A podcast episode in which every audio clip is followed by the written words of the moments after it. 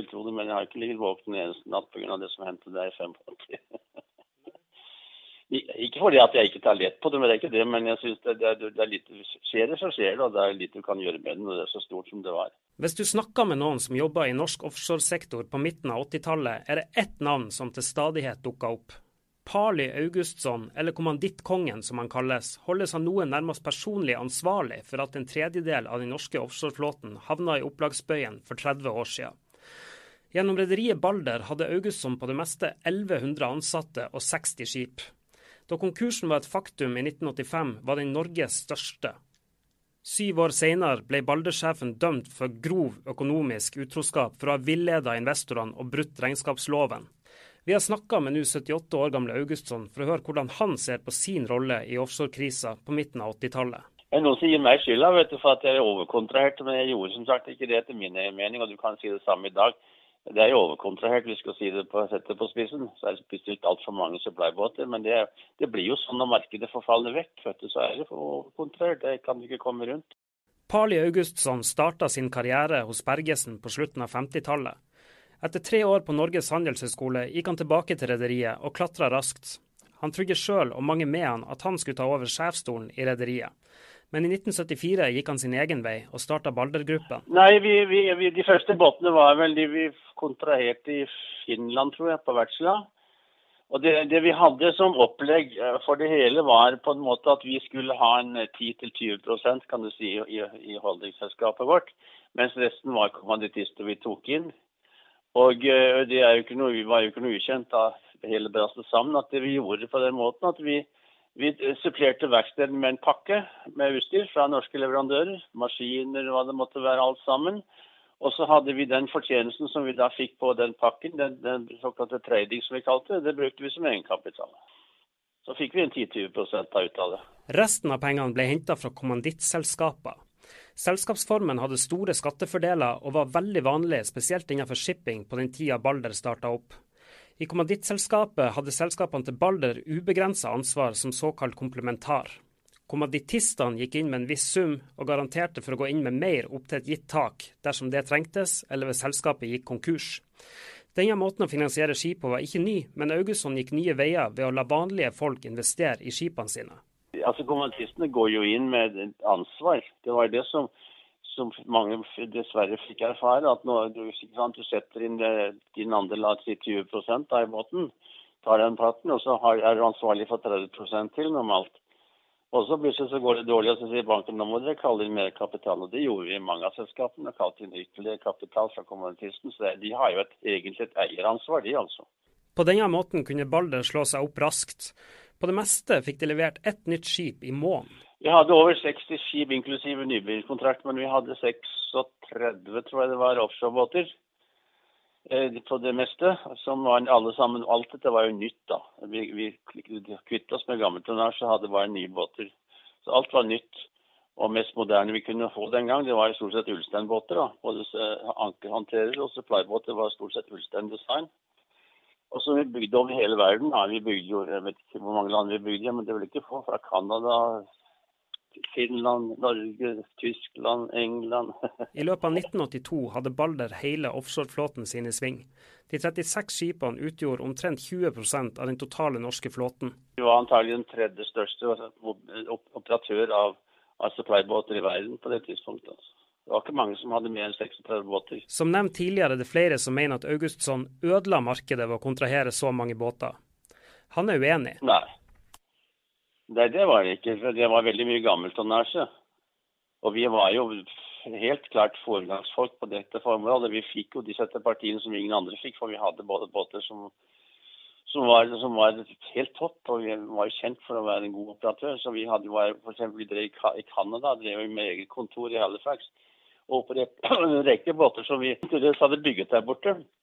Og det var jo ingen som kunne operere så godt som oss. Så vi hadde jo hele Canada-markedet. Vi var de første i Kina. Eh, vi drev i Nordsjøen, engelske sektor, norsk sektor. Vi hadde jo en voldsom erfaring og voldsom bra mennesker om bord. Altså. Og gode båter. Lenge så det ut til at Balder skulle vokse rett inn i himmelen? Ja, i begynnelsen så var det jo veldig gode rater. Det var det. Og, og tjente bra penger og kunne kunne betale inn gjelden. Det var, den gangen var det jo litt oversiktlig, for da hadde vi jo bare pant i båtene. Vi fikk en, en kreditt med 80% normalt i båtene. Vi hadde ikke noe sånn obligasjonslån og annet som fløt rundt over det hele. Så vi visste akkurat hva den båten trengte for å betale renter og avdrag, og det klarte vi de første årene. Men så kom smellen. Nei, det begynte ikke å kjøre seg før nærmere 85, slutten av 84-85.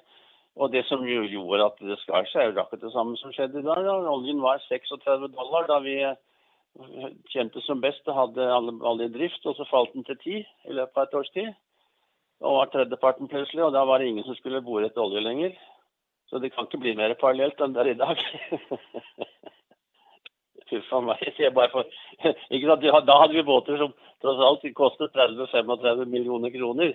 Nå er det de båter som koster ti ganger så mye, 300 millioner kanskje, og som ligger uten arbeid. Ved inngangen til 1985 hadde ryktene versert en stund om at Balderkassen var tom. Oppdragene uteblei, og i løpet av året ble alle offshoreskipene til Balder lagt i opplag. 14. mai 1985 ble det åpna konkurs i Balder Invest, og senere samme år møtte managementselskapet deres samme skjebne. Ifølge revisorrapporten var selskapene insolvent lenge før den tid. Så, så, da raknet det i løpet av 85, så gikk det jo galt når moderselskapet ble tatt under konkursbehandling. Så var det klart at alle KS-ene ble jo slengt ut. Konkursen ble omtalt som Norges største, med krav på halvannen milliard kroner retta mot boet. Men det stoppa ikke der. Bobestyreren i Pali Augustsson-selskapene sendte saken til påtalemyndighetene etter å ha avdekka straffbare forhold i regnskapene. Etter fem års etterforskning tok statsadvokat Morten Eriksen i Økokrim ut tiltale mot Augustsson for grov økonomisk utroskap i september 1990. Tiltalen var på ti punkter. Bl.a. mente påtalemakta at Augustsson hadde gitt ukorrekte opplysninger til investorene, og at selskapene hadde brutt regnskapsloven.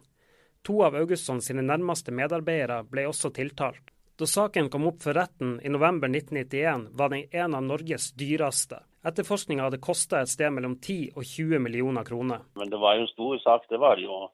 I og med at det var Økokrims første, så tok det all verdens tid, for de gutta kunne jo ingenting om shipping. vet du. Da rettssaken starta over seks år etter konkursen, erklærte Augustsson seg ikke skyldig. Nei, altså Det som skjedde var det som vi egentlig ble felt på, var jo den mellomregningen mellom selskapene, mellom kommunistselskapene. At vi ikke hadde holdt nøyaktig på denne separate kasse, betingelsen som står i, i kommunistselskapsavtalen, at alle kassene skal holdes atskilt. For det vi gjorde, da vi skjønte jo etter hvert at det var jo et selskap plutselig skulle ha en kjøpe, kjøpe bunkers, og så hadde de ikke cash før frakten kom inn osv. Så, videre. så lånte vi enten via enten direkte fra morselskapet eller via morselskapet lånte vi da et annet selskap som hadde overskuddslikviditet. Men det ble jo renteberegnet og sånn, så det var ikke det at vi, at vi, ikke, at vi bare tok den. og det det var vel sånn som den norske rederinæringen hadde drevet med i 100 år. I januar 1992 falt dommen. Augustsson ble dømt til to års fengsel, ett år mindre enn det aktor hadde bedt om. 120 dager var ubetinga og måtte sones, og Augustsson fikk 100 000 kroner i bot. Både han og Økokrim anka dommen innenfor Høyesterett, som avviste anken. Jeg fikk en fair behandling i og for seg, men disse 109 dagene, eller hva det var, 110 dager skulle sone, var greit nok det. Jeg hadde jo gjort en formell feil, og det kan jeg ikke komme fra. At jeg hadde tillatt det. Merkelappen 'Kommandittkongen' lever han godt med? ja, den kan jeg godt leve med. Jeg syns det er en litt morsom tittel. Og den er sikkert sann òg, på en måte, fordi eh, vi var veldig store. Men i etterpåklokskapens lys ser også Augustsson at ting kunne vært gjort annerledes. Ja, det er jo, jeg burde jo ha lært det. For, for høyskolen så lærte vi dette med noe som heter grisesykler. Som betyr at det, det året det er veldig sånn god, god pris på, grise, på flesket, så setter folk bonden på flere griser. Og så blir det altfor mange griser, så detter alt sammen sammen igjen. Og da detter det sammen igjen, og så er det sånn en bølge igjen, opp igjen. Det går i sånne sykler. Og det er jo typisk syklisk næring, denne offshorenæringen. Altså. Det er ikke så mye tank, syns jeg, som offshore. Offshore er veldig syklisk. Augustsson er ikke i tvil om hva offshorerederiene burde gjøre nå for å stå imot den krisen de er i. Det eneste måten å overleve på, det er helt klart det at man må lage en pool. Får man en polordning, så kan man iallfall regulere litt, da, eller tjene litt i markedet. Og stå imot de verste utspillene fra oljeselskapene og andre. Jeg tror de er blitt tvunget til det. Jeg tror bankene kommer til å si at dere må gå sammen med andre, slik at tjener, iallfall noen tjener penger til fordeling. Ikke bare at dere underbyr hverandre for å prøve å få noe som dere taper penger på. Da kan du trekke noen ut i opplag, som vi har, eller de ligger som de gjør i dag, ligger i opplag, mens noen går, og så får alle sammen litt av potten. Augustsson mener at det langt fra var noen selvfølge at Balder skulle gå dukken. Som jeg alltid har sagt, at hadde vi klart oss til 87, så hadde vi nok vært der i dag òg. Vi hadde nok vært store for supply fremdeles, vi hadde kommet over krisen. Dette var den tredje podkasten fra Sysla sin nye maritime podkastkanal, Sysla Shipping. I den første fikk du vite hvem som venta på å slå til mot norske offshore servicerederier fra utlandet. I nummer to fikk du høre hvordan Østensjø og Eidesvik kom seg gjennom krisa på midten av 80-tallet, og hva som er den store forskjellen på den krisa og det vi står i nå. Du finner de ved å søke opp Sysla Shipping i iTunes, Acast eller lignende. Mitt navn er Gerhard Flåten, og jeg håper vi høres snart igjen.